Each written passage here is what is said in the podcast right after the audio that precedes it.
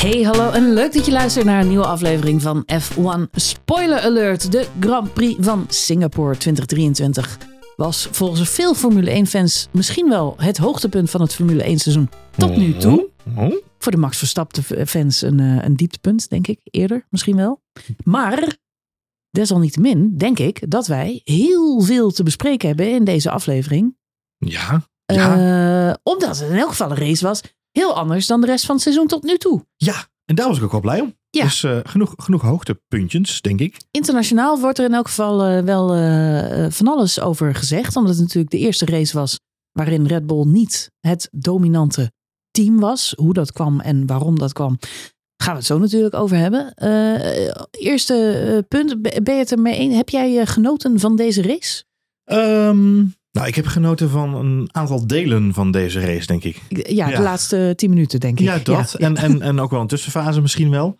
Eh, maar niet, niet de hele race, nee. nee. Het, Alhoewel, een, het- ja. het is een lange zit, eh, Singapore. Jawel, maar het is, wel, het is wel omdat je weet dat het zo warm is. Mhm. Dus Singapore is natuurlijk een van de, de grootste uitdagingen voor een atleet. Dus Mhm. vanuit atletisch perspectief heb ik wel, kan ik altijd wel genieten van, van, van Singapore. Omdat je gewoon ziet dat dat een probleem kan leveren. Of iemand voor mij als atleet. Ja, Ja, je, je ziet gewoon dat er sportmensen zijn die, eh, die dat wel kunnen. die zichzelf in het zweet werken. Ja, nee, maar ik vind, ik vind de, de, de, het feit dat ze dus, ze moeten altijd al op het beste van hun kunnen zijn.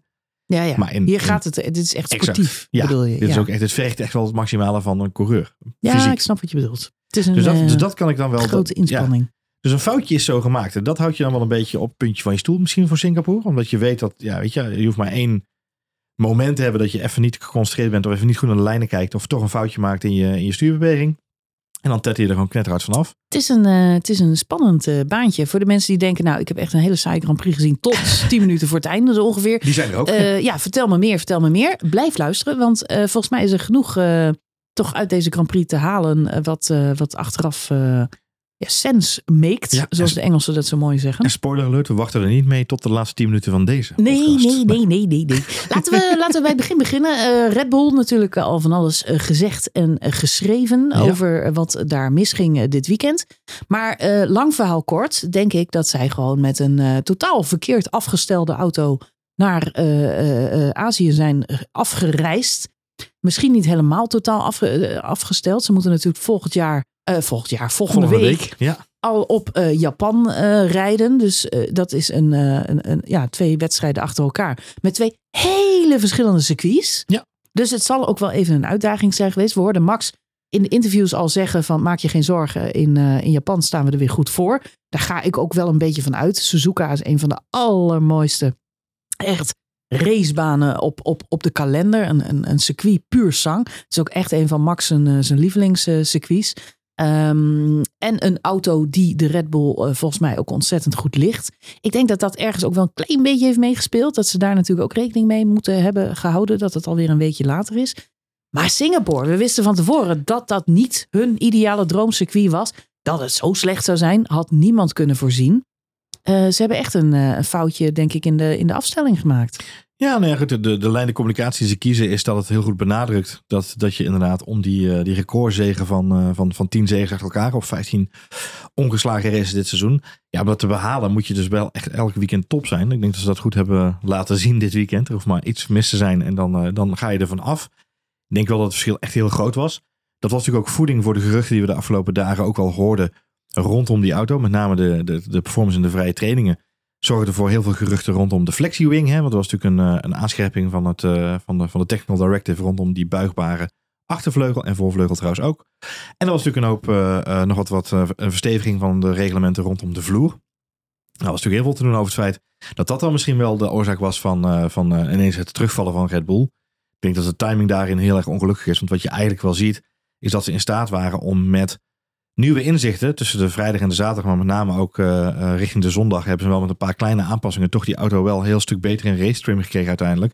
Dan dat hij de vrijdag voor stond. Want ja, de eerste vrije trainingen was wel echt schrikken voor Red Bull doen, zeg maar. Ja, wat zij zelf na afloop hebben eh, verklaard, is dat ze toch een paar dingen onderschat hebben in de, ja, de afstelling. Grotendeels natuurlijk tijdens de sim, tests die zij eh, virtueel doen. Ja. En daarbij hebben ze eigenlijk te weinig rekening gehouden met het feit dat een deel van de baan opnieuw geasfalteerd is. Maar aan de andere kant Singapore nog steeds een heel hobbelig circuit is. Ja. En eh, vergeet ook niet uh, stratencircuit. Jij al zei, uh, foutje wordt, wordt zo afgestraft. Ja. Het is juist een circuit waar je dus ontzettend afhankelijk bent van die grip. Om laat te kunnen remmen en, en, en je bochten ideaal te kunnen maken. Nou, dat had Max allemaal niet de afstelling, de, de suspension stond Ja, te zacht dus afgesteld de, de vering eigenlijk. Ja, precies. Probleem. Ja, Dus, eh, dus die auto was undrivable. zoals heel Max, eh, ja. ja, heel comfortabel. Behalve als je niet laat kunt remmen. Nou ja, als zelfs Max al niks met een auto kan. We weten allemaal eh, ja, hoe, die, hoe, hoe- handig hij natuurlijk is met, met iets met vier wielen en een motor. Maar als hij, zelfs hij al niet zijn ja, driver style erop kan loslaten en er toch nog iets van kan maken. Ja. me een beetje denken aan Lando Norris, die, eh, die, die vorig jaar eh, eerste race van het seizoen ook zei van wat een shitbakje. Kan helemaal niks met die auto. Eh, Lewis Hamilton in de Mercedes. Ja, nou, het goede nieuws van dit hele weekend is dat Max nu ook weet hoe dat, Hoe dat voelt. voelt. Ja. Om echt een auto onder je kont te hebben waar je, waar je niet je eigen driving style in kan. Nee, je kunt, Hanteren. je kunt zeggen hij heeft eindelijk een keer een Sergio Perez ervaring. Ja. Ja, nou ja. Ja. misschien wel. Maar het is, eh, het is jammer. En wat ook niet hielp, is dat er natuurlijk een soort perfect storm eh, tijdens de wedstrijd zich ontvouwt. Je hoopt dan dat er met strategie en tactiek nog een beetje iets te, te, te redden valt. Het vervelende voor de Red Bulls was echter dat eh, er wel, wel, wel safety cars kwamen. Ja. Dat is ook te verwachten op Singapore. Net wat jij zegt, de marges zijn klein en er knalt er bijna altijd wel eentje in de muur. Of er heeft er eentje pech, zoals eh Yuki Tsunoda natuurlijk alweer aan het begin eh, van de wedstrijd eh, uitgevallen. Statistisch Met een gezien 100% kans op een safety car. Ja, precies. Nou, dat veroorzaakte geen safety car trouwens, hij kon zo weg. Maar de kans is vrij groot dat er eentje komt. Echter, de twee safety cars die we dan kregen tijdens deze wedstrijd, er was Ja. er eentje te vroeg. En de tweede met Ocon. Ocon, te laat. Ja, die, die kwam precies te laat. Was de toen, virtual, ja. ja, maar toen had Red Bull net gestopt. En eh, het vervelende was die eerste pitstop, die kwam voor heel veel teams eh, toch wel redelijk gunstig. Want die waren allemaal op geel gestart. Klopt. Red Bull op een witte band gestart, moest een lange stint maken. Die gele band kun je niet zo lang rijden als dat er nog race over was op dat punt. Dus naar binnen gaan was voor hun echt eh, no-go. Het lullig was, er komt daarna een herstart. Toen dachten we allemaal, nou, hè, strategisch zou dit nog wel eens interessant kunnen zijn. Want eh, nu zit Max helemaal vooraan. Dus het heeft wel wat geholpen als hij nou gewoon lekker door kan rijden. Maar ja, dan zit je ook naar iets te kijken wat je niet verwacht. Namelijk die witte band, die doet het zo slecht. Ja. Dat, hij, dat hij aan alle kanten gewoon wordt ingehaald. Ja, wat dat betreft was het inderdaad toch wel een leuke wedstrijd. Ja, was, Omdat eh, je een keer met je neus op de feiten wordt gedrukt. Dat die- het ook helemaal anders kan. in die fase is, eh, is Red Bull gewoon Bambi op ijs. En Ja, dat is gewoon heel heel, bijzonder om te zien. Oude witte bandjes. Ja, Echt en, en koud natuurlijk, dus niet op te warmen achter zo'n safety car. Dus dat, Nee. en dan kun je zeggen, de anderen hebben dan dat nadeel ook. Ja, eens, de anderen hebben dat nadeel ook, want die rijden ook allemaal achter zo'n safety car op witte banden. Nee, gele, eh, ja, ja, witte banden, maar eh, nieuwe, nieuwe maar witte banden. nieuwe witte ja. banden hebben dan toch net wat meer grip weer inderdaad. Ja. Dus dan, dan komt het verschil van, eh, van gripverlies plus eh, eh, kou hè, in de banden. Dat, dat is dan gewoon echt een, een, een dodelijke combinatie in dit geval. Op een gegeven moment wordt Verstappen gewoon aan alle kanten links en rechts ingehaald. Ook Perez natuurlijk. En zien we hem terugrijden op plek 7 met, eh, met 7 seconden achterstand op Charles Leclerc. Nou, dat is lang geleden dat we dat hebben gezien. Ja, dat is heel lang geleden inderdaad. En dan, eh, dan nou goed, dan moet er, uiteindelijk moet er natuurlijk ergens een stop komen. Eh, ja, en het komt maar niet, het komt maar niet, het komt maar niet. Er komt geen safety car meer. En daar is de Red Bull natuurlijk heel erg op te, op te hopen. Ja. Rijdt op dat moment nog in de top 10. Maar als je dan even alle cijfertjes bij elkaar optelt, dan zag de oplettende tv-kijker dat eh, wat er uiteindelijk ook, eh, ook gebeurde. Op het moment dat Perez naar binnen gaat, zakt hij terug naar de 17e plek. Ja. Max 15e. Ehm, en dat had dan weer alles te maken met de snelheid van Carlos Sainz. Want Carlos Sainz heeft van kop tot staart aan kop gereden. Prachtige overwinning. Eh, strategisch ook eh, echt een stukje powerplay. Eh, Laat, je laat- kunt- laten we het benadrukken. Hè? ja, laat, nou, ja, nou serieus. En laten we ook vooral benadrukken dat de heer Carlos Sainz hier het niveau van heel Ferrari even een, een tandje omhoog heeft getild door dit strategisch allemaal zo uit te spelen. Ehm, de reden dat, dat Carlos Sainz vooraan niet al te hard heeft gereden, eigenlijk de hele wedstrijd lang, had alles te maken met, met zijn banden. En de Ferrari eh, staat erom bekend dat hij zuinig moet zijn op zijn bandjes. Dat heeft Carlos Sainz keurig ingecalculeerd. Dus die heeft zich ingehouden. Nadeel voor Max Verstappen en Checo Perez was wel dat het hele veld zo dicht op elkaar bleef zitten de hele Ja. wedstrijd. Dus strategisch was het ook eigenlijk weer een masterzet van Ferrari. Want daardoor ben je de Red Bulls weer kwijt later in de wedstrijd. Ja. Eh, want die zakte dus helemaal eh, naar achteraan terug. Dus dat maakt, ja, dat, ik vind dat dan toch wel het, het komische van, van, van Formule 1. Ja. Dat je eh, eh, ja, op het oog misschien een beetje naar, eh, naar een saaie wedstrijd zit te kijken. Maar strategisch zijn er wel allerlei powerplays om op, op dit circuit toch het maximale eruit te halen. Nou, laten we vooral ook vooropstellen van mensen die zich zorgen maken. Hè? Mocht je een Red Bull petje op hebben of een Red Bull hart in je, in je borst voelen kloppen nu. Maak je vooral niet zoveel zorgen richting Japan. Want wat je terugziet aan het einde van de race. Dan moeten we volgens mij heel snel door naar, naar de, de top van het veld. Maar wat je ziet is dat Max eigenlijk vanaf die P15 waar hij dan terugkomt naar zijn pitstop. Mede ook wel met die VSC natuurlijk, omdat hij niet naar binnen hoeft. En dat eh, mensen voor hem, een aantal mensen wel naar binnen gaan. Maar dan nog pakt hij eigenlijk vrij snel plekjes terug. Hij pikt ze wel eh, één op één eh, vrij snel allemaal op als hij eenmaal op die eh mediumband rondrijdt. De Red Bull is dan ook gewoon, eh, dat zagen we ook wel in de vrije training en race trim, toch wel gewoon snel op het circuit. En hij komt dan helemaal terug tot P5. Eh, eh, P6, sorry, eh, achter Leclerc. Ja, Russell valt natuurlijk op het laatste uit. Russell valt natuurlijk uit op het laatste daar komen we zo nog wel op. Maar, maar ja, dat, dat is, ja, uiteindelijk die gele band werkt wel voor Werkt hem. wel voor hem. En Ja. laat ook zien hoe snel die Red Bull eigenlijk is. Waarop Max ook terecht zegt na de wedstrijd. Het is dat die perfect storm, zoals jij hem zo mooi omschreef net. Met die pitstops eh, die net niet goed uitvallen. Of met die safety cars die niet goed uitvallen. Het feit dat Ocon inderdaad die safety car pas, eh, die VC pas zo laat opwerpt. Ja, als dat, niet, als dat, net, dat kwartje net wat anders was gevallen. Had Max gewoon nog meegedaan op een podium. En dat is toch wel vrij bijzonder. Op een heel smal en, en relatief kort circuit. Achteraf bezien, je kunt wel stellen, Red Bull heeft niet zo heel veel verkeerd ge- gedaan. Er zijn mensen die zeggen van, hadden ze het niet anders moeten doen? Hadden ze bij die eerste, eerste pitstop toch naar binnen moeten gaan? Dat kan niet. Want ze zaten op een witte band. Dan hadden ze naar geel gemoeten. Hadden ze zeker nog een tweede stop moeten. Dus had ze niks opgeleverd. Had hij misschien wel daarvoor blijven rijden. Had hij later die pitstop gemaakt die hij uiteindelijk gemaakt heeft. Was hij alsnog een heel eind teruggezakt. Dus Nou ja, had niet zo Nee. heel veel. Een tweestopper was eigenlijk sowieso nooit het ideale scenario. Dus daar had hij niks anders kunnen doen. Ehm, had hij dan beter nog iets langer kunnen wachten? En bij die virtual safety car, waar de Mercedes natuurlijk ook naar binnen gingen voor gele banden. Ja. Had hij toen kunnen stoppen? Had ook niet zo heel veel uitgemaakt. Had een paar seconden geschild. Maar waar- precies wat jij zegt. De Red Bull laat eigenlijk op die gele band zien dat het nog steeds een hartstikke snelle auto is. Dus, en Max kennende hè, doet hij precies wat hij moet doen. Als hij eindelijk op die gele band eh, mag, doet hij eigenlijk hetzelfde als Russell en Hamilton. Namelijk de gaten dichtrijden. Ja. En eh, autootje voor autootje de mannen voor hem weer ja, opslokken en, en inhalen. Dus, en het feit dat hij daar net iets meer tijd voor had, omdat die virtual safety car pas later kwam, heeft hem uiteindelijk ook wel weer geholpen. gebracht. Ja. En onder die virtual safety car gaan een aantal andere mensen ook nog naar binnen, wat hem ook nog een paar plekjes oplevert. Zo links rechts, ja, zeker. Dus al met al had Red Bull niet zo heel veel anders kunnen doen. Eh, hij heeft wel mazzel op het laatst met Russell die nog uitvalt. Dat, dat levert hem ook weer extra eh, punten op. Ja. Vijfde plek, hoogst haalbare. Hele knappe prestatie alsnog van Max Verstappen. Hè? Het Zeker. is echt eh, dat hij dit en- er nog uit heeft weten slepen. En zeker op dit circuit, hè, laat dat vooropstellen. En, Ja. en ik denk dat als je echt wil kijken naar wat is nou de pure performance van de Red Bull in deze auto, of op deze baan, sorry. Ja, dan hè, de pure performance van de Red Bull op deze baan, kijk je naar Sergio Perez. En Sergio Perez heeft al het hele jaar lang moeite met van achteruit terug naar voren komen. Ook deze race weer. Heeft hij lang klem gezeten achter Liam Lawson in het achterveld. Komt hij eigenlijk pas in het tweede deel van de race. Komt hij wat naar voren. Pitstops helpen hem dan ook natuurlijk weer in dit geval eh, eh, met een paar plekjes zo links en zo rechts. Eh, maar Perez wordt uiteindelijk achtste. Mhm. Vanaf, vanaf P13 uit mijn hoofd. Ehm, maar op 33 seconden achterstand van Max Verstappen. Nou, dat geeft wel een beetje aan hè, het verschil tussen coureur en auto, zeg ik dan altijd Het maar. is het gebruikelijke verschil. Hè? We zien dit al het hele seizoen eigenlijk. Het- Maar het is wel Ja. een behoorlijke eh, eh, duiding in hoeveel extra er nog uit die auto is gehaald. Eigenlijk eh, door Max ook in die laatste rondes. En hoe snel die nog kon, Ja, kon dat, dat, weten we. Dat, dat is nu wel een beetje de story van het seizoen.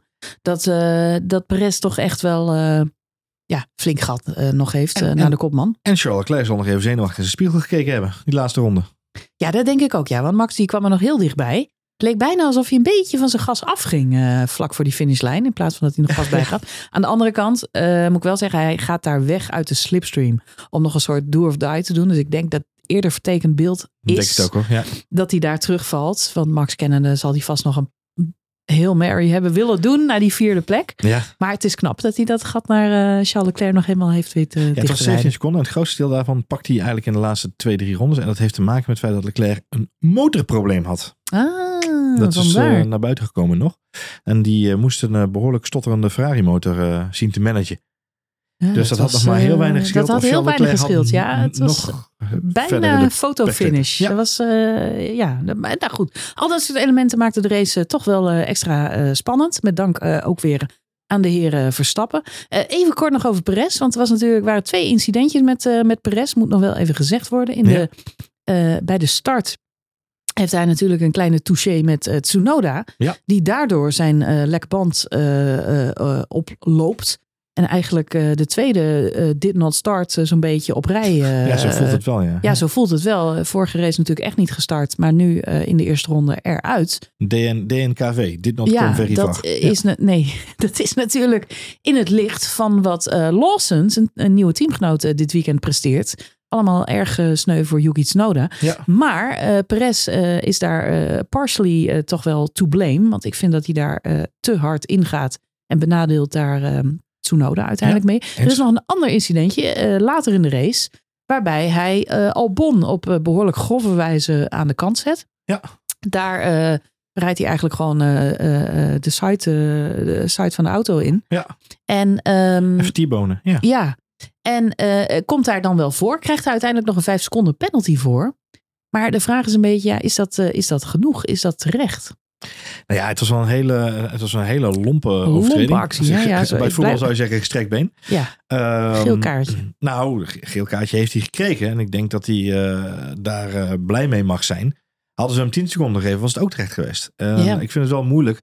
Dat we aan het begin van de race. eh, en we zien Fernando Alonso natuurlijk ook eh, eh, de fout maken bij de pitstraat. Die rijdt de eh, pitstraat uit en dan weer in. Heeft geen grip, hè. die glijdt weg. Die moet Ja. alweer terug de, de pitstraat insturen.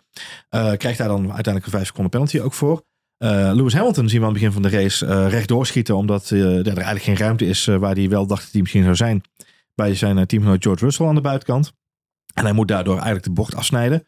Geeft dan gelukkig wel de plekken terug. Maar daar zou hij ook een 5 seconden penalty voor hebben kunnen krijgen. Mhm. Ehm, en dan ga je je een beetje afvragen. In hoeverre gaan coureurs op een gegeven moment niet gewoon met een stopwatch in de auto zitten. En nadenken over. Ja, ik kan nu een 5 seconden penalty pakken. Maar ja, misschien kan ik het wel gewoon terugverdienen. Ja, dat was vorige race natuurlijk ook al met, eh, met Lewis Hamilton en zijn vijf seconden. En uiteindelijk was hij zes seconden los en dan maakt het allemaal niks meer uit. Nee. En dat gevoel kreeg ik hier bij Perez ook een beetje. Dat ik denk, ja, erg netjes is het toch niet. eh, de manier waarop hij eh, Albon hier eh, echt in de flank rijdt. Eh, vijf seconden vind ik dan wel een beetje mager. Net wat jij zegt. Ja, het is wel aan de. Kijk, enerzijds vind ik het goed hè, dat je niet overal straffen voor uitdeelt. Max Verstappen was natuurlijk ook eh, under investigation voor direct allerlei infringements Ja. tijdens de kwalificatie. Komt daar uiteindelijk mee weg. Ook allemaal omdat dat ja, net een beetje. Het kan ook een dingetje met je auto zijn.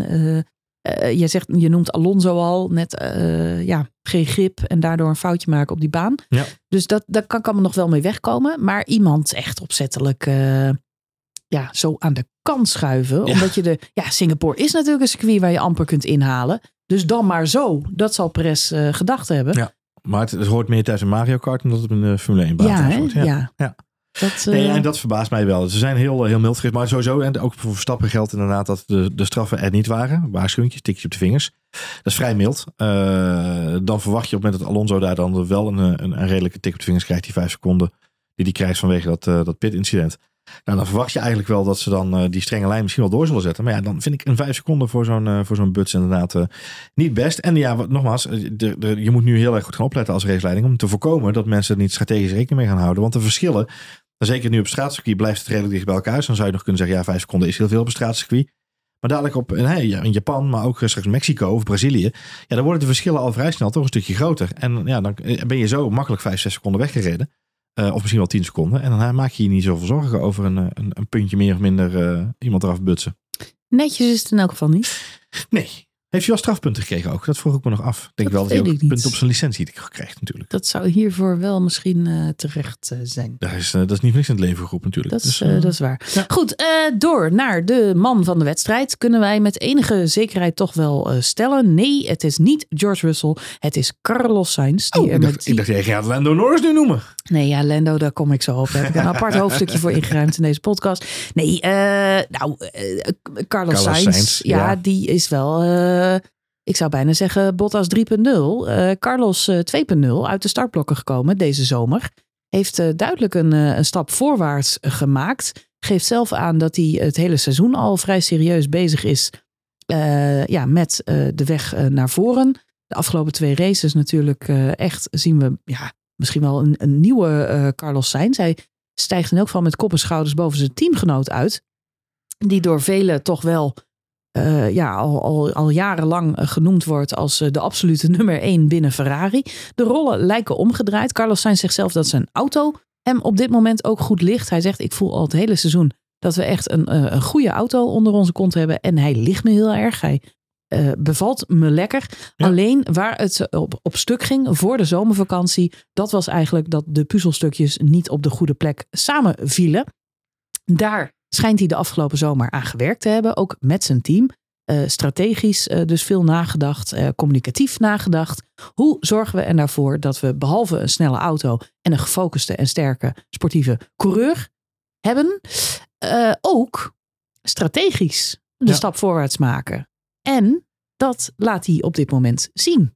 Ja, het, kan eens? ja, eens. Het kan een kwestie van uh, zelfvertrouwen zijn. Het kan een kwestie zijn van wat jij zegt, uh, uh, bewuste voorbereidingen op zaken. Ehm, maar het feit is wel dat Carlos Sainz deze race laat zien wat je van een coureur mag verwachten. Namelijk dat hij de touwtje op een gegeven moment zelf in de handen neemt. En ook zegt, joh, wat doen we? Wat doen we hier? Wat doen we daar? Um, wat doen we met de banden? ik, ik doe expres een, een, trucje links of een trucje rechts. Ik wil graag de gap weten tot aan deze coureur. Vanaf nu elke ronde tot die coureur. Uh, hij vraagt heel uh, consequent en heel, uh, vooral heel direct om informatie en om de juiste informatie. En ik denk dat dat iets aanstipt wat wij al vaak in de podcast natuurlijk betiteld hebben. En dat is namelijk het, het grote HBTS-syndroom. Namelijk die complete miscommunicatie die er altijd is met de we're checking en we'll get back to you, a question, al dat soort dingen als je die weet de, in de kiem weet te smoren, en dat weet Ferrari nu twee races op rij. Uh, Italië was natuurlijk ook al een sprong voorwaarts op dat gebied, vond ik. Ja, uh, ja dan zie je dat dat nu ook gewoon prima kan. En je zelfs niet eens meer nerveus wordt van een dubbelstek als het zich voordoet, in het geval van Ferrari. Um, kijk, het, het, verhaal is gewoon dat um, ze natuurlijk mechanisch een stap gemacht hebben. We, we dachten allemaal na Monza, als die auto maar niet in de fik vliegt. En om heel eerlijk te zijn, Charles Leclerc zal hetzelfde gedacht hebben dit weekend. Toen hij in de laatste vier rondes uh, een motorprobleem had. Dat denk ik wel. Ja, dus ik, ik ben nog steeds benieuwd hoeveel we zien van de auto. Hè, hoeveel de auto mechanisch een stap gemaakt heeft. Ik denk onderaan streep dat ze bij Ferrari het uh, de eer te na is om uh, de, de development helemaal te stoppen. Dus ik kan me wel voorstellen dat ze nog steeds wel stappen voorwaarts maken. Maar of dat het grote verschil is wat we nu merken. Ja, de grootste stap die zij kunnen maken, en daar hebben we in deze podcast, we hebben het daar al jarenlang over. Het gaat altijd mis op strategie bij Ferrari. Uh, de pure horsepowers, die hebben ze vaak wel. Uh, het is een auto die op heel veel circuits uh, lekker uit startblokken komt. De coureurs hebben ze absoluut ook. Carlos Sainz, Charles Leclerc. Ja. Misschien wel twee van de snelste mannen. die op dit moment in de, in de Formule 1 te vinden zijn. Dus daar ligt het allemaal niet aan. Het budget is er ook wel. de inzet, de wil om te winnen, de ambities de teambaas. Ik denk dat ze met Fred Vazeur uh, nu ook wel een, een, stabiel iemand en een ervaren iemand uh, in dienst hebben. Um, dus alles klopt. Alleen strategisch gaat het altijd mis. En het, ik vind het echt knap om te zien dat Carlos Sainz dus nu echt een soort gameplan voor deze wedstrijd had liggen. waar hij uit wilde komen. Nou werd dat natuurlijk wel, hè, kijk, vooropgesteld. Het wordt geholpen door het feit dat Red Bull missing in action is. Hè. normaal gesproken als Red Bull zijn auto goed had afgesteld, was dit gewoon weer een uh, slam dunk voor, voor Verstappen geworden. Maar op het moment dat je dus een keer het mazzeltje hebt als ander team dat uh, Red Bull niet thuis geeft, ja, dan moet je er zijn. En dat, dat heeft Sainz wat mij betreft goed gedaan. Ten eerste door op pole te kwalificeren. Eigenlijk moet je Singapore zien als een soort Monaco. Uh, de pole position is hier, is hier alles bepalend. Uh, en ook je positie in de race. Dus je start is ook cruciaal. Het feit dat hij van kop tot staart geleid heeft, is wat hem uiteindelijk de overwinning in, in, de schoot gooit. Um, hij dicteert het tempo. We zeiden het net al. Hij weet dat de tire deck van zijn banden slecht is. Dus moet langzaam rijden. Hij wil zijn rondetijden weten. En hij wil het gat weten naar zijn achterligger. Hij zorgt dat die Lando een groot eh, eh, deel van de wedstrijd uit zijn DRS heeft. Uh, zodat hij gewoon zijn rondjes kan rijden. Maar hij weet ook, zolang ik aan kop rij, ook al komen ze in de DRS, ik ben een treintje. Dit is Monaco. Je komt er niet zomaar voorbij. Zolang iedereen op dezelfde banden rijdt en dezelfde pitstopstrategie heeft, zit je safe. Dat wist hij. En uh, interessant aan deze wedstrijd, we noemen het net al, is natuurlijk dat bijna iedereen op dezelfde strategie reed omdat die safety car op uh, dat vaste punt komt. Dat maakte ook dat alle undercuts, overcuts, alles verviel. Iedereen zat op dezelfde strategie. Dat maakt het voor Carlos een stuk overzichtelijker hè, om die strategie uit te voeren. Ja. Maar hij wist precies, dit is wat ik moet doen uh, om voorop te rijden. Wat de peper in de spreekwoordelijke soep heeft gegooid dit weekend, dat is de bold move van Mercedes. Want bij de tweede pitstop, uh, Ocon uh, verrassend eraf. Uh, zagen we daarvoor trouwens nog een ontzettend goede race rijden. Dus die ja. zou echt gebaald hebben dat hij er daar afgaat. Um, maar op dat moment, onder die safety car, besluit uh, Mercedes dat het spel op de wagen is. En uh, rightfully so. En dank aan Mercedes, want uh, die maken daar wel een wedstrijd die verder anders redelijk saai was geweest. Want let's face it, iedereen op dezelfde strategie. Behalve de, de Red Bulls die nog iets proberen, maar benadeeld werden door al die safety cars. Ja, verder was het gewoon een bloedzaaie wedstrijd geweest. Mercedes trekt daar eigenlijk nog iets uit de trucendoos op het laatst Ja. door, eh, door die gele band. En dat is het moment dat Carlos Sainz moet gaan nadenken. Oké, wat gaan we nu doen? Dus dat, dat is wel eh, ja, hè, wat, ik, wat, ik, wat ik ook knap vind aan, eh, aan Sainz. Dat hij enerzijds een, een voorbereide strategie had. Gedurende de race wist te controleren. Precies wist wat hij moest doen. En zijn banden goed gespaard heeft. Hij heeft alles uitgevoerd. Maar op het moment dat Mercedes eh, ja, eigenlijk de vlam in de pan eh, gooit door op die, op die gele band. En twee seconden harder per rondje, hè, daar, is, Ja, ja, daar, ja. daar hou je bijna niks aan. Dus daar moet je op voorbereid zijn. Op dat moment besluit hij, oké, ik wil die rondetijden weten. Ik wil weten waar ze zijn, waar ze aankomen. Hou me op de hoogte. Rekenen, rekenen, rekenen. Hoeveel rondes. Dus het feit dat hij als een, als een, als een calculator eigenlijk in die auto zit. En precies aan het bijhouden is eh, wat hij moet doen om ervoor te blijven. En op het allerlaatst natuurlijk, nou ja, daar is al heel veel over gezegd. Het feit dat hij Lando in zijn DRS houdt, on purpose, eh, is de manier om alsnog die wedstrijd naar zich toe te trekken. Ja, ik vind dat, eh, ik wil niet zeggen briljant, want eh, ik heb andere coureurs eh, nog veel briljantere dingen zien doen. Maar het is goed.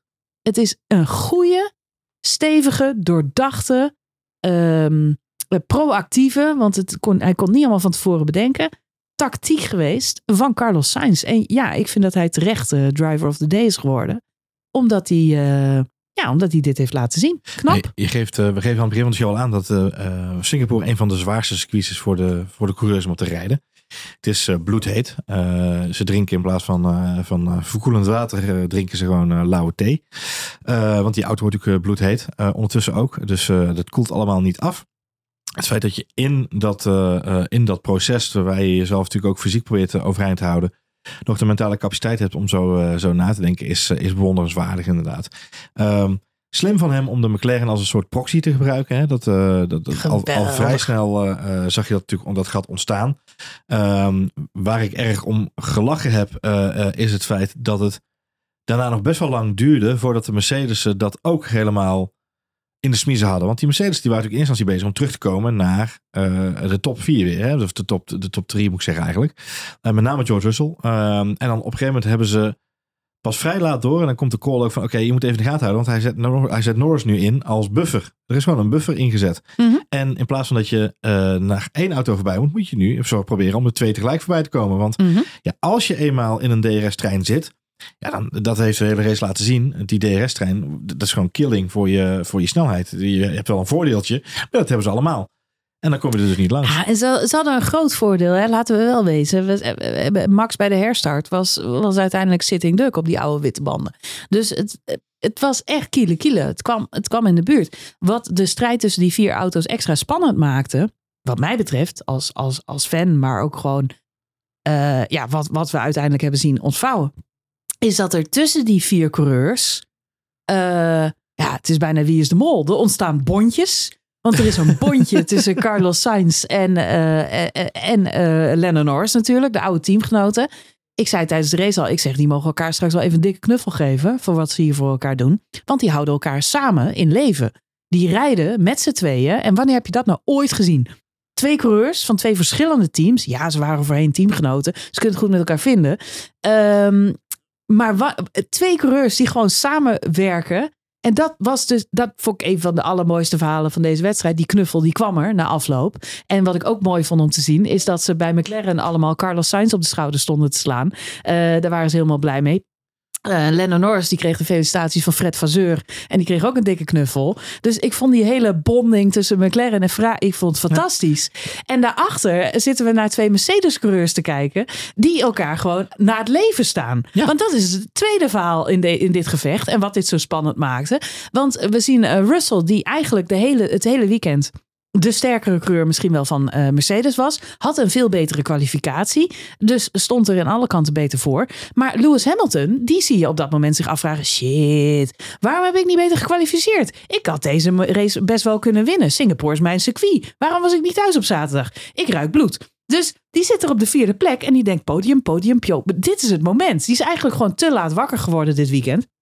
En laten we wel wezen, hij is een veel ervarener coureur. Dus je ziet aan alles in dat gevecht dat Lewis Hamilton. Die gaat, die gaat hem er niet makkelijk vanaf laten. Dus wat het gesprek spannend maakt, is één. Eh, Lando en Carlos die moeten in de DRS blijven van elkaar. En die moeten elkaar poelen. En, eh, en hij moet ook nog uitkijken dat Lando hè, niet. Uh, dat, dat Carlos zelf geen foutje maakt. Want dan gaat Lando er vandoor met de eerste overwinning van zijn carrière. Dus daar is spanning. Maar Lewis Hamilton, die is 0,0% bereid om dat podium te laten gaan.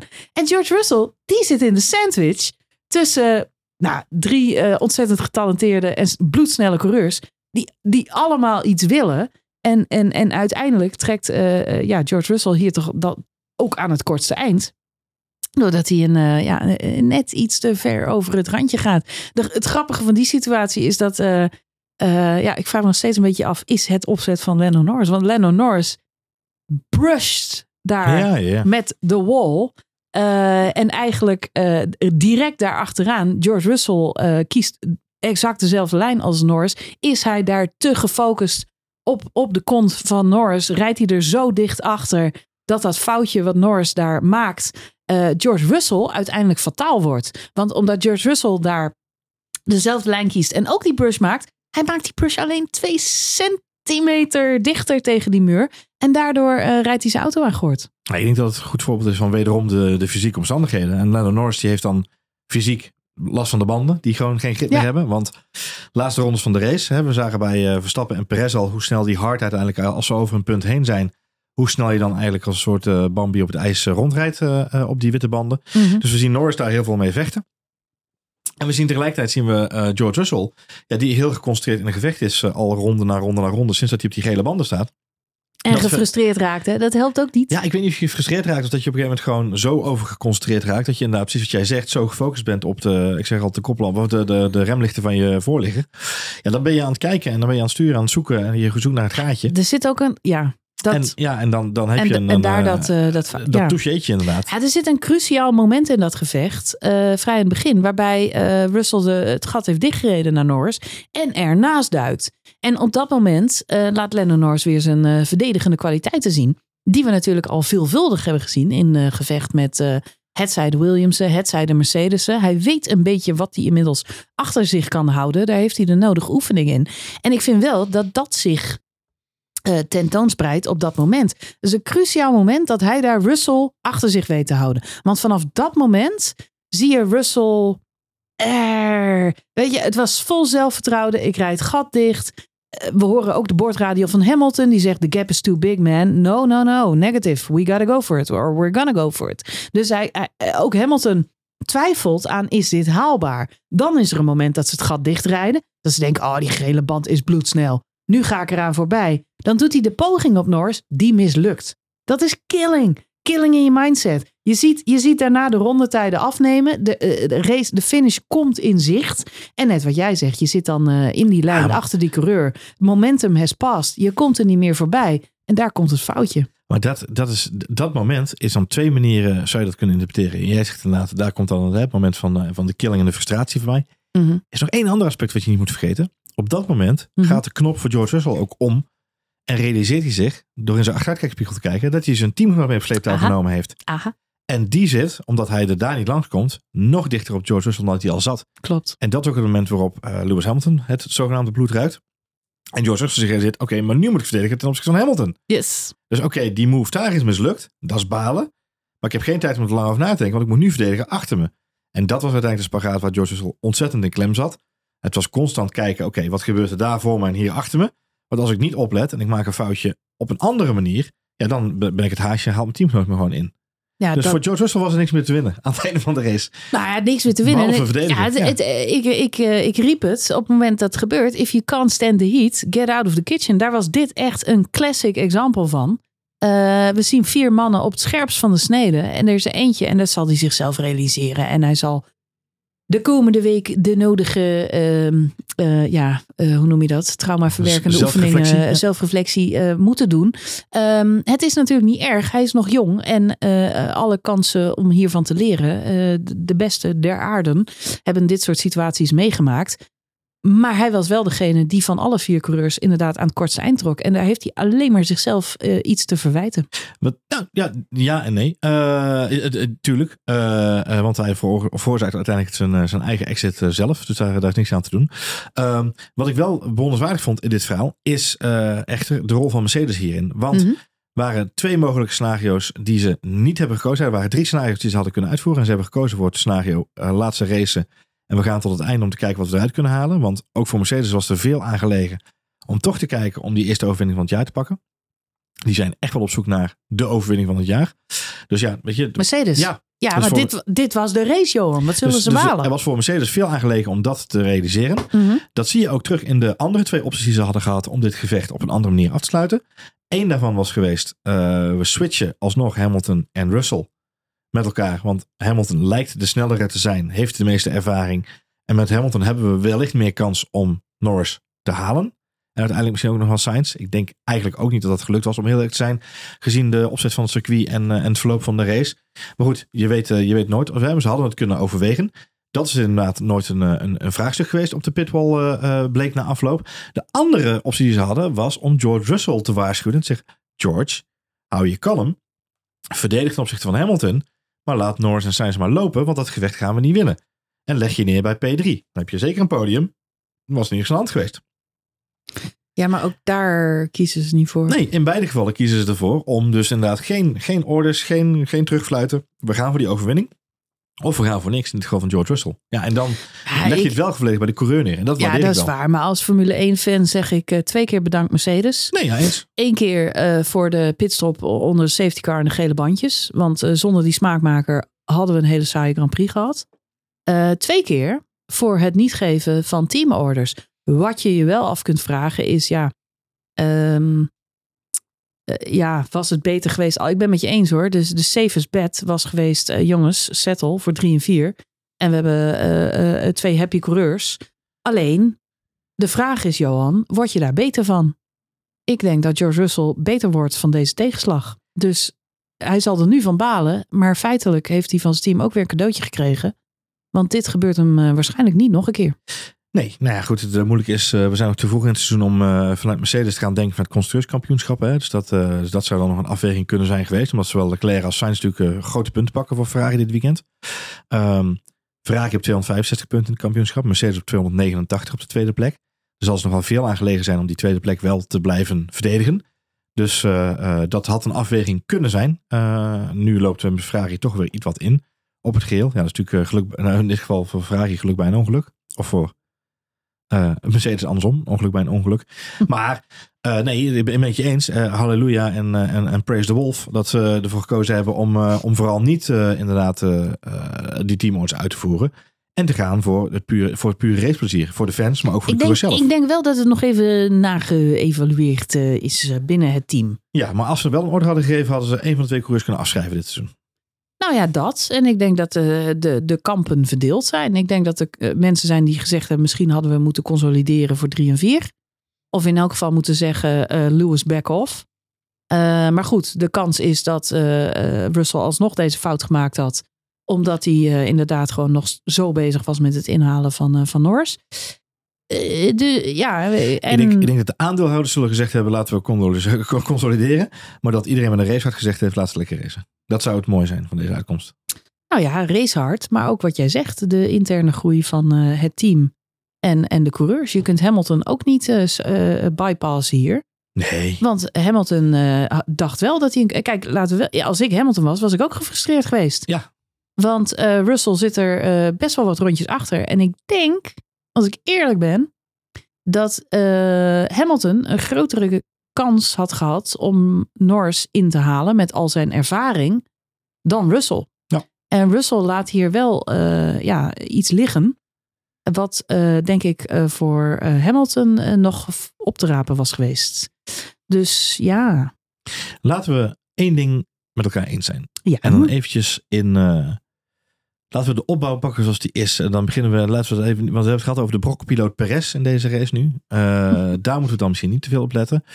Ik heb een aantal magistrale momenten van close racing gezien deze Grand Prix. En dat was, denk ik, wel de moeite waard. We hebben Max Verstappen met Lewis Hamilton heel dicht op elkaar zien racen. Mm -hmm. We hebben Ocon met uh, uh, Alonso en volgens mij is dat Sergio Perez die erbij zat. Met zijn Ja. drieën. We zien racen waarbij Ocon en Alonso ook echt side by side door een bocht heen gingen. Net elkaar de ruimte lieten. En dat op een stratencircuit. En net daarna valt inderdaad Ocon uit. Hè. Die baalt uit rechts. Want Ocon reed een dijk van een race uh, Ja. voor, voor Alpine. Um, ook Pierre Gasly heb ik een aantal keren uh, goed, uh, goed in actie gezien. Ook een aantal keren echt wel puntje om mijn stoel. Van dit gaat niet goed. Um, maar die slotfase. En ook dat weer. Uh, vier auto's. En laten we even voor het gemak uitgaan van vijf rondes. Hè. Dat die laatste vijf, zes ronden van de race. Dat dat even als hoogtepunt nemende. Vier auto's die binnen twee seconden van elkaar reden gedurende zes, zeven rondes in een race. Dat was twee jaar geleden onmogelijk geweest. De tactiek van Carlos Sainz om Lennon Norris gewoon vijf ronden lang in zijn DRS te laten rijden, was onmogelijk geweest. Want in de oude reglementen had Lando Norris gezegd na twee ronden: Oké, ik moet af, ik moet hier vandaan, want mijn auto heet, verreed compleet omhoog. alles gaat, alle temperaturen gaan omhoog. Uh, de banden warmen te veel op. Uh, dit gaat helemaal mis. Ik moet uit die DRS. Want ik, kan, ik moet er of voorbij. Of ik moet een afstand nemen van anderhalf, twee seconden. De nieuwe reglementen met close following. Wat natuurlijk heel veel beloofd is. En waarvan, waarvan we ook wel gezegd hebben. Ja, we zien het soms te weinig. In deze race hebben we de top van het veld. De, kop, de top vier hebben we gewoon ronde na ronde na ronde. Binnen twee seconden van elkaar zien rijden. Binnen anderhalf seconde. Met z'n Ja, allen binnen de. DRS. Dat klopt. Het is magnificent. Magnificent zou ik wel zeggen in het Engels. Uh, uh, magnifiek om te zien dat die reglementen, als ze goed toegepast worden en als de racers er met de juiste uh, vibe in zitten, zulke close racing mogelijk maken. En ja, ik vond dat echt, dat vond ik wel het mooiste van de hele race, dat dit een belofte is die echt ingelost aan het worden is. Uh, we zagen het voorheen al in de sprintraces, nu zien we het ook in de top van het veld. En dat belooft veel goeds voor de periode dat dadelijk bij Red Bull allemaal uh, nog steeds hopelijk uh, voor, de, voor de liefhebbers van Red Bull en voor Verstappen nog steeds allemaal crescendo gaat. Maar dat de gaten wel steeds kleiner gaan worden. Want nu kijken we naar een saai seizoen. En we hebben het al vaker gezegd deze, deze podcast. We kijken nu naar een heel saai seizoen. Omdat de uh, dominantie van de Red Bull heel groot is. Daarom zijn we de, de top 1 en de, misschien af en toe de nummer 2 staan vaak al ruim bekend. Maar daarachter gebeuren er echt wel hele spannende zaken. En de teams komen steeds dichter bij elkaar te liggen. En we gaan dus steeds meer van dit soort gevechten de baan zien. Ja, en weet je, het is al moeilijk voor de regisseur. Dat is waar, dat is waar. Maar uh, we begonnen de uitzending en dat uh, met, met een stevig statement dat veel mensen gewoon de neutrale Formule 1 kijker, of misschien wel ook wel Formule 1 kijkers wereldwijd, die niet per se voor uh, Red Bull of, of Verstappen zijn. Um, genoten hebben van, van deze Grand Prix. Ja. Terwijl ja, op, op, op, op stukken het natuurlijk, het is een stratencircuit. Het is niet per se altijd uh, even interessant om naar te kijken. Maar wat deze race ja, toch wel onevenaarbaar spannend maakte, is dat we aan het eind van de Grand Prix zitten te kijken naar een strijd om de overwinning. En dat, besefte ik me wel, is iets wat we al een hele tijd niet meer gezien hebben. En je kunt het honderd keer op zijn kant zetten of, uh, of, of van alle kanten uh, bekijken. Maar een strijd om de overwinning is wat Formule 1 het aller, aller spannendst maakt. Dus de hoop is wel, en ik denk zelfs dat Max Verstappen dat met ons meehoopt, dat de andere teams ja, de stap voorwaarts kunnen gaan maken. Dat er weer gestreden kan worden, ook om verschillende overwinningen.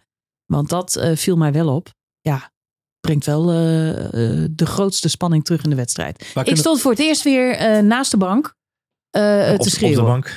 Ja, de bank. ja. bij de laatste rondes van de wedstrijd.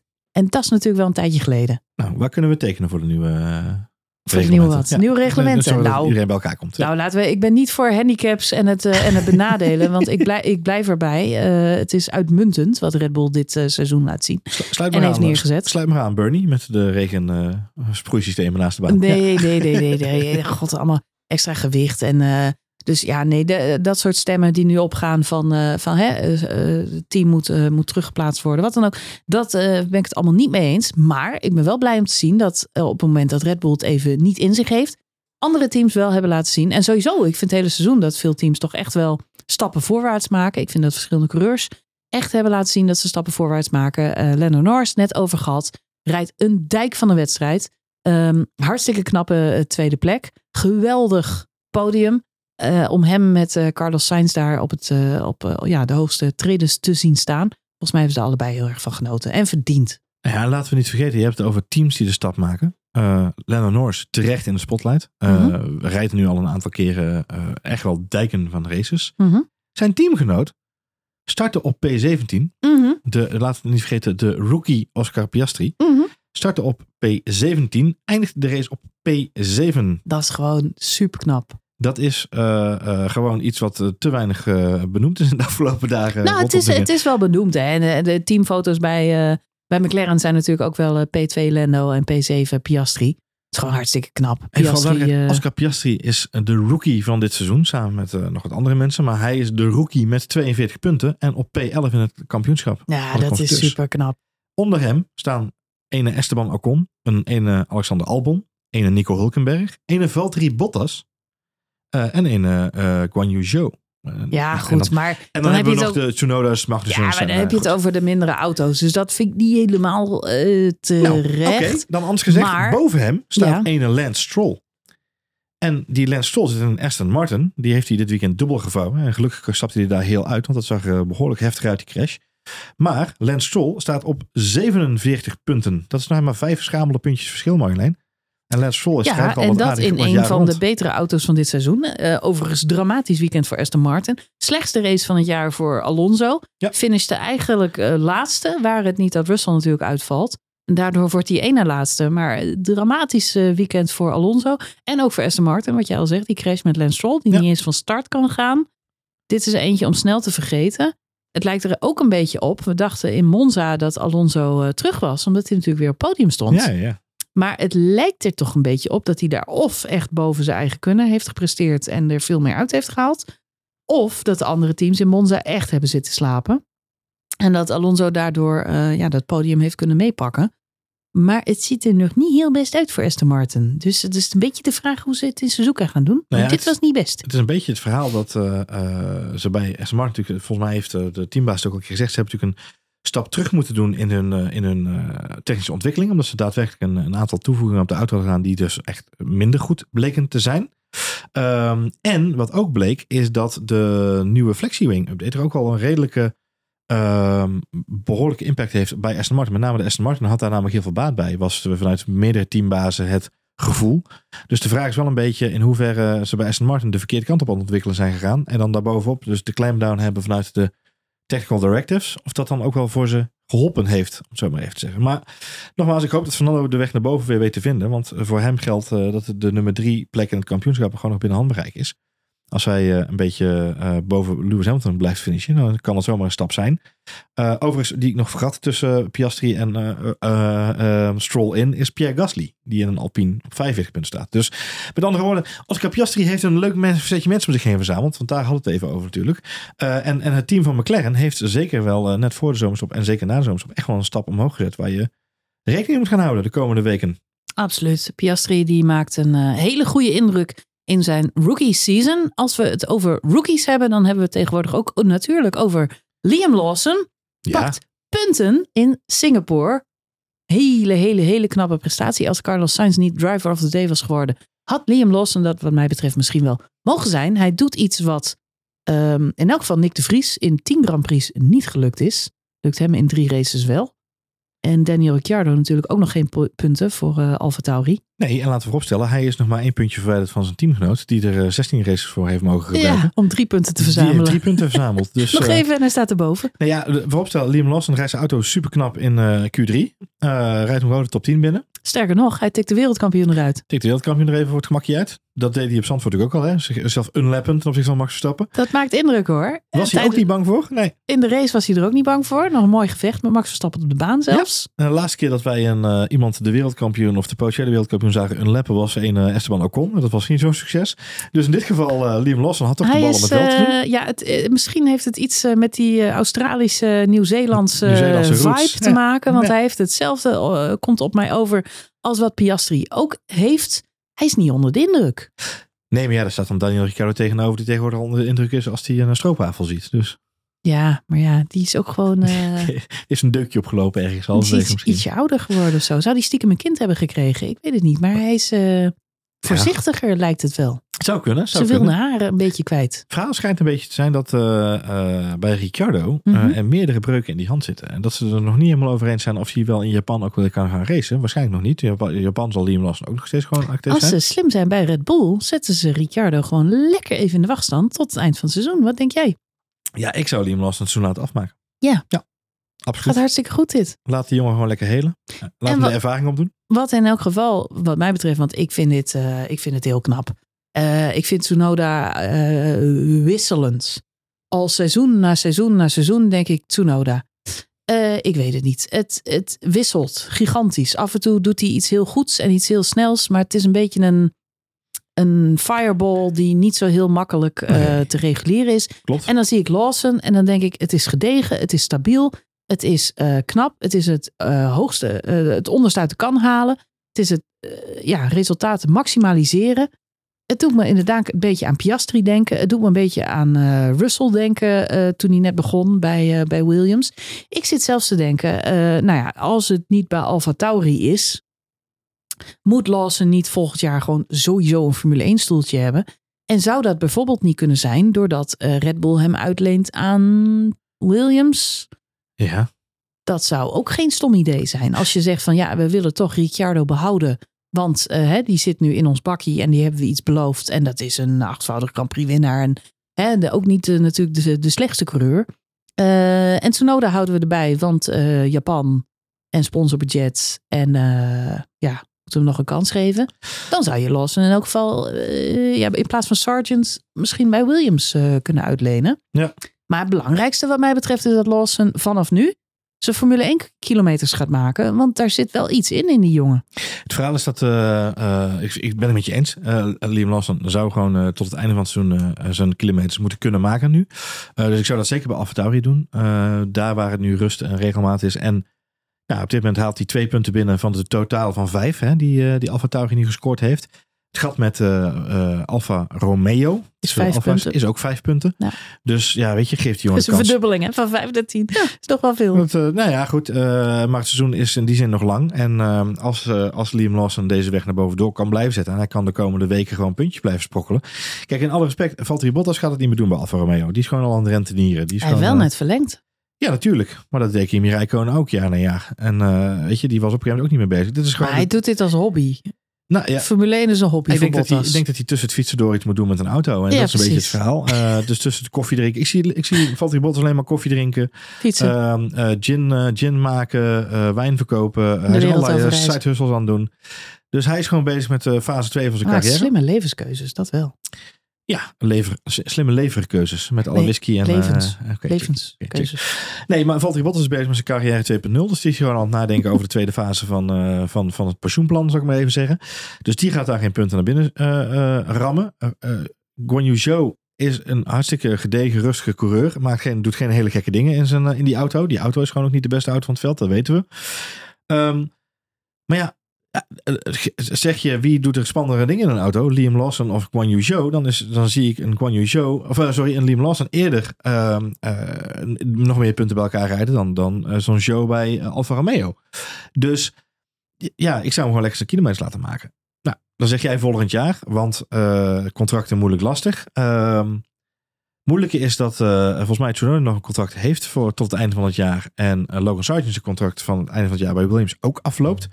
Dus je hebt wel te maken met het feit van wie gaan we verlengen en wie niet. Um, bij Williams hebben ze al laten vallen uh, aan het begin van deze maand. Dat ze niet, bij, op Monza hebben ze laten vallen dat ze niet van plan zijn om Logan Sargent zomaar los te laten. Ze zijn wel degelijk blij met zijn inzet en zijn bijdrage aan het team. Ik vraag me af waarom, want volgens mij is het een grote wandelende kostenpost uh, de afgelopen maanden. Ik denk, Sargent heeft alles te maken met de Amerikaanse markt. Waar Yuki Tsunoda alles te maken heeft met Japan en Joe met China. De Formule 1 wil heel graag uh, coureurs uit zoveel mogelijk regio's vertegenwoordigd zien in deze sport. Omdat dat gewoon hele grote belangen in die landen vertegenwoordigt. Met een Amerikaanse coureur. Uh, we hebben drie Amerikaanse Grand Prix tegenwoordig. Wie had dat ooit gedacht? Ooit hadden we er geen.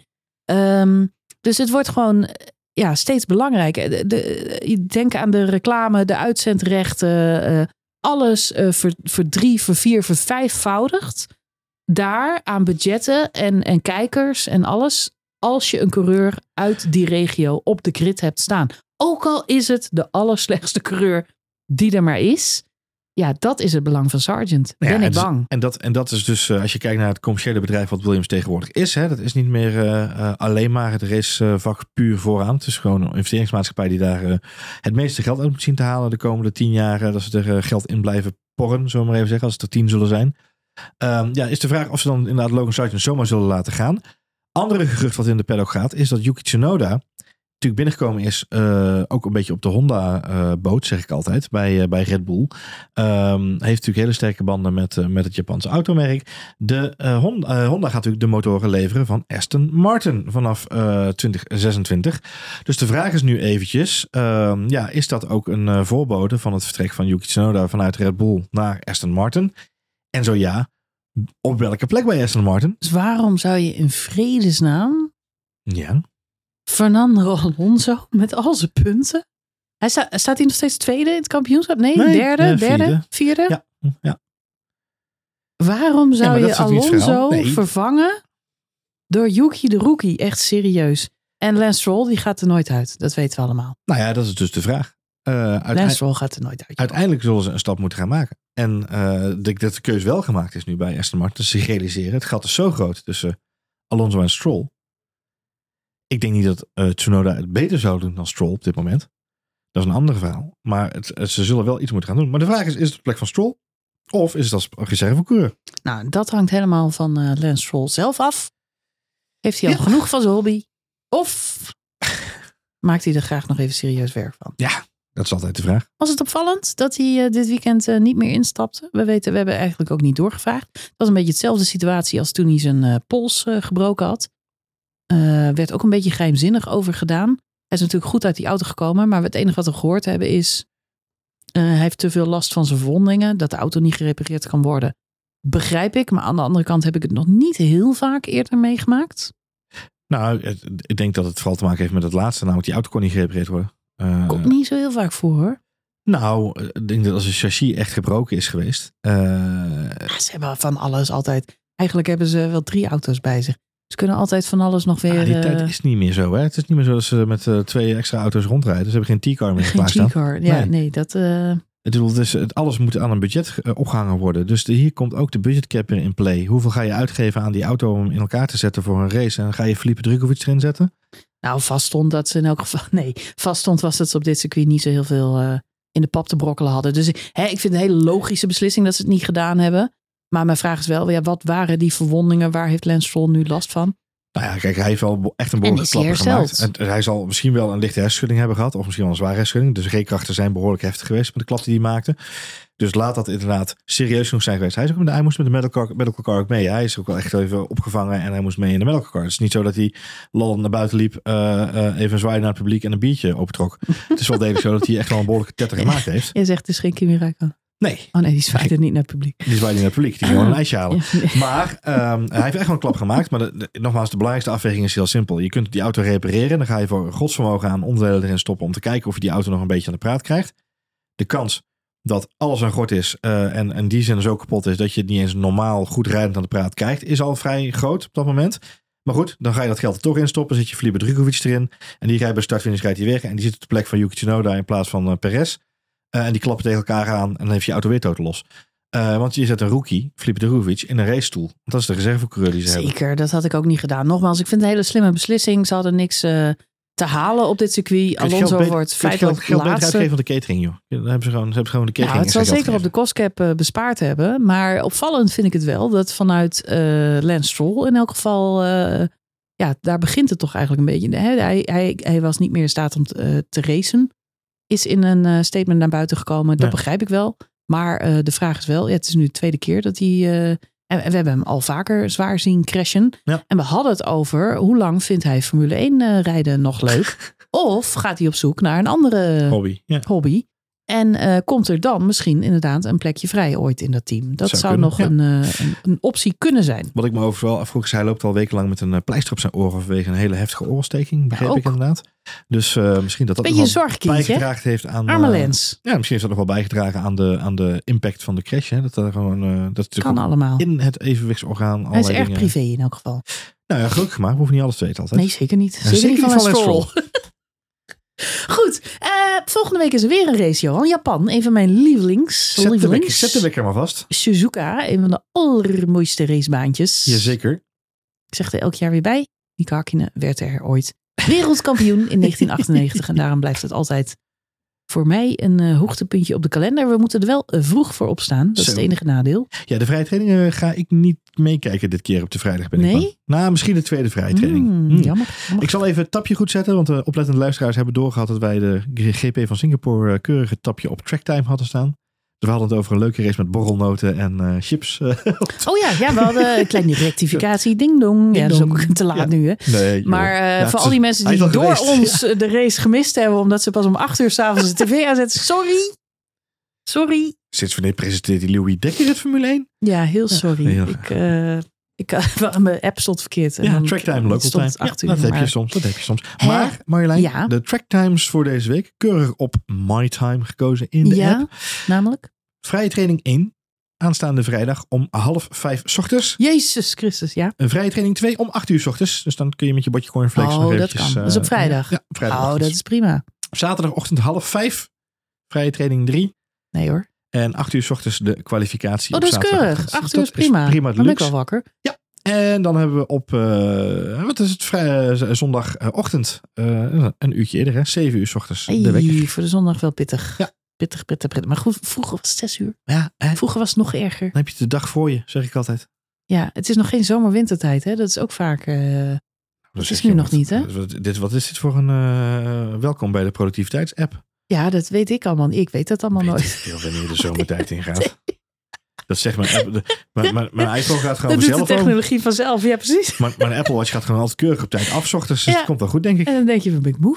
Ja. Nee, nu niet, hè? Want de wintertijd is beter. Dan heb je een uurtje extra slapen. Ik heb geen idee. Is dat zo? Ja, dat weet ik. Top. Dat weet ik dan weer wel. Dat dan Dus, wel. Een eh, uurtje extra ja. had je onthouden. Ja. Ja. Maar goed, dat gaat hier dus niet op. Als we vroeger moeten opstaan, dan... eh, Nee. Maar goed, 7 uur. Grand Prix van Suzuka. Vorig jaar moesten we zo lang wachten, weet je nog? Ja. Het was de waterballet. Dat was een waterballet. Regen, regen, het. En wat ik me afvroeg, heb ik Ja. nog niet, heb ik nog niet eh, kunnen berekenen en kunnen nakijken. Ja. Hoe groot is de kans dat Max Verstappen zijn titel kan pakken nu? Niet hè? Volgens mij eh, niet heel, Nee. want eh, had eh, 6000 punten. Nee, hij had moeten winnen. De Mercedes hadden niet moeten finishen. Nou heeft Russell daar wel aan bijgedragen, dus dat is positief. Maar eh, Hamilton stond natuurlijk op een podium. Ja. Was niet de bedoeling geweest van Red Bull. Nee. Dus ik weet niet of... eh, ja, ze hebben wel allebei punten gepakt, maar ik denk flink te weinig om de constructeurs Ja. eh, te pakken. Nee, dat wordt ook nog wel lastig. Even Goed, kijken. zeg nooit nooit. Misschien valt Mercedes wel uit. Constructeurs is op dit moment 300 en... eh, zeg ik het goed?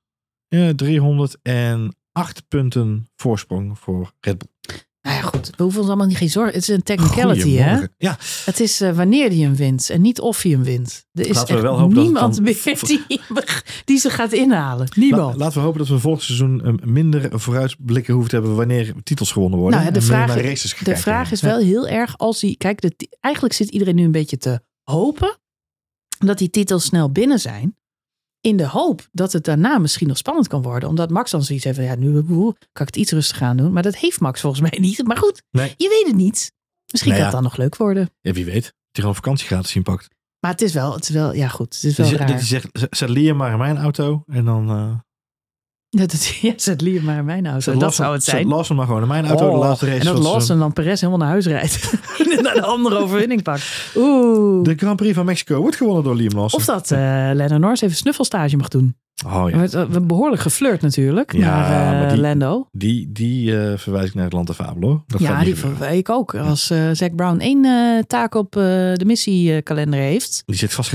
Ja. dan is het eh, Lando Norris en Liam, eh, eh, sorry, eh, eh, Oscar Piastri zo lang mogelijk als duo bij elkaar houden. Volgens mij is dat een hele succesvolle Vooralsnog wel. line-up Het legt ze geen, McLaren. het legt ze geen windeieren. Goh, een paar eh, podcasts geleden hadden we het er nog over dat er misschien een beetje hussel moet komen.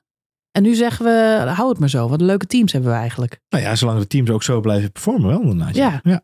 Ik weet nog dat wij twee eh, podcasts geleden zeiden, je moet Carlos Sainz eruit gooien bij Ferrari. Maar Ja. Ik ben goed dat ze niet nou, eh, blij dat ze niet naar ons luisteren bij Nee, dus de Ferrari. Ferrari-fans zullen nu allemaal in hun het, het, het blijft toch even een spoiler alert. HBTF, HBTF Vissa. Ja. Goed, eh, eh, om dat eh bombshell dan gaan wij afsluiten. Want eh, volgende week zijn we er alweer. Dan met de Grand Prix van Japan. We nemen niet live op tijdens de race? nee. nee. Eh, klink ik zo. Goedemorgen, dames en heren. Maar eh, in de loop van de maandag zal die eh, podcast wel weer Nee, verschijnen. komen zwaaien. En ja, voor nu, wil je reageren, kan dat nog, nog steeds op al onze kanalen. Alle social media's. Instagram, Instagram, Facebook, Postduif, X X. Kijk maar even. en Telegram En natuurlijk. Telegram. Goed, heel erg bedankt voor het luisteren. En heel graag tot de volgende aflevering van F1 Spoiler Alert.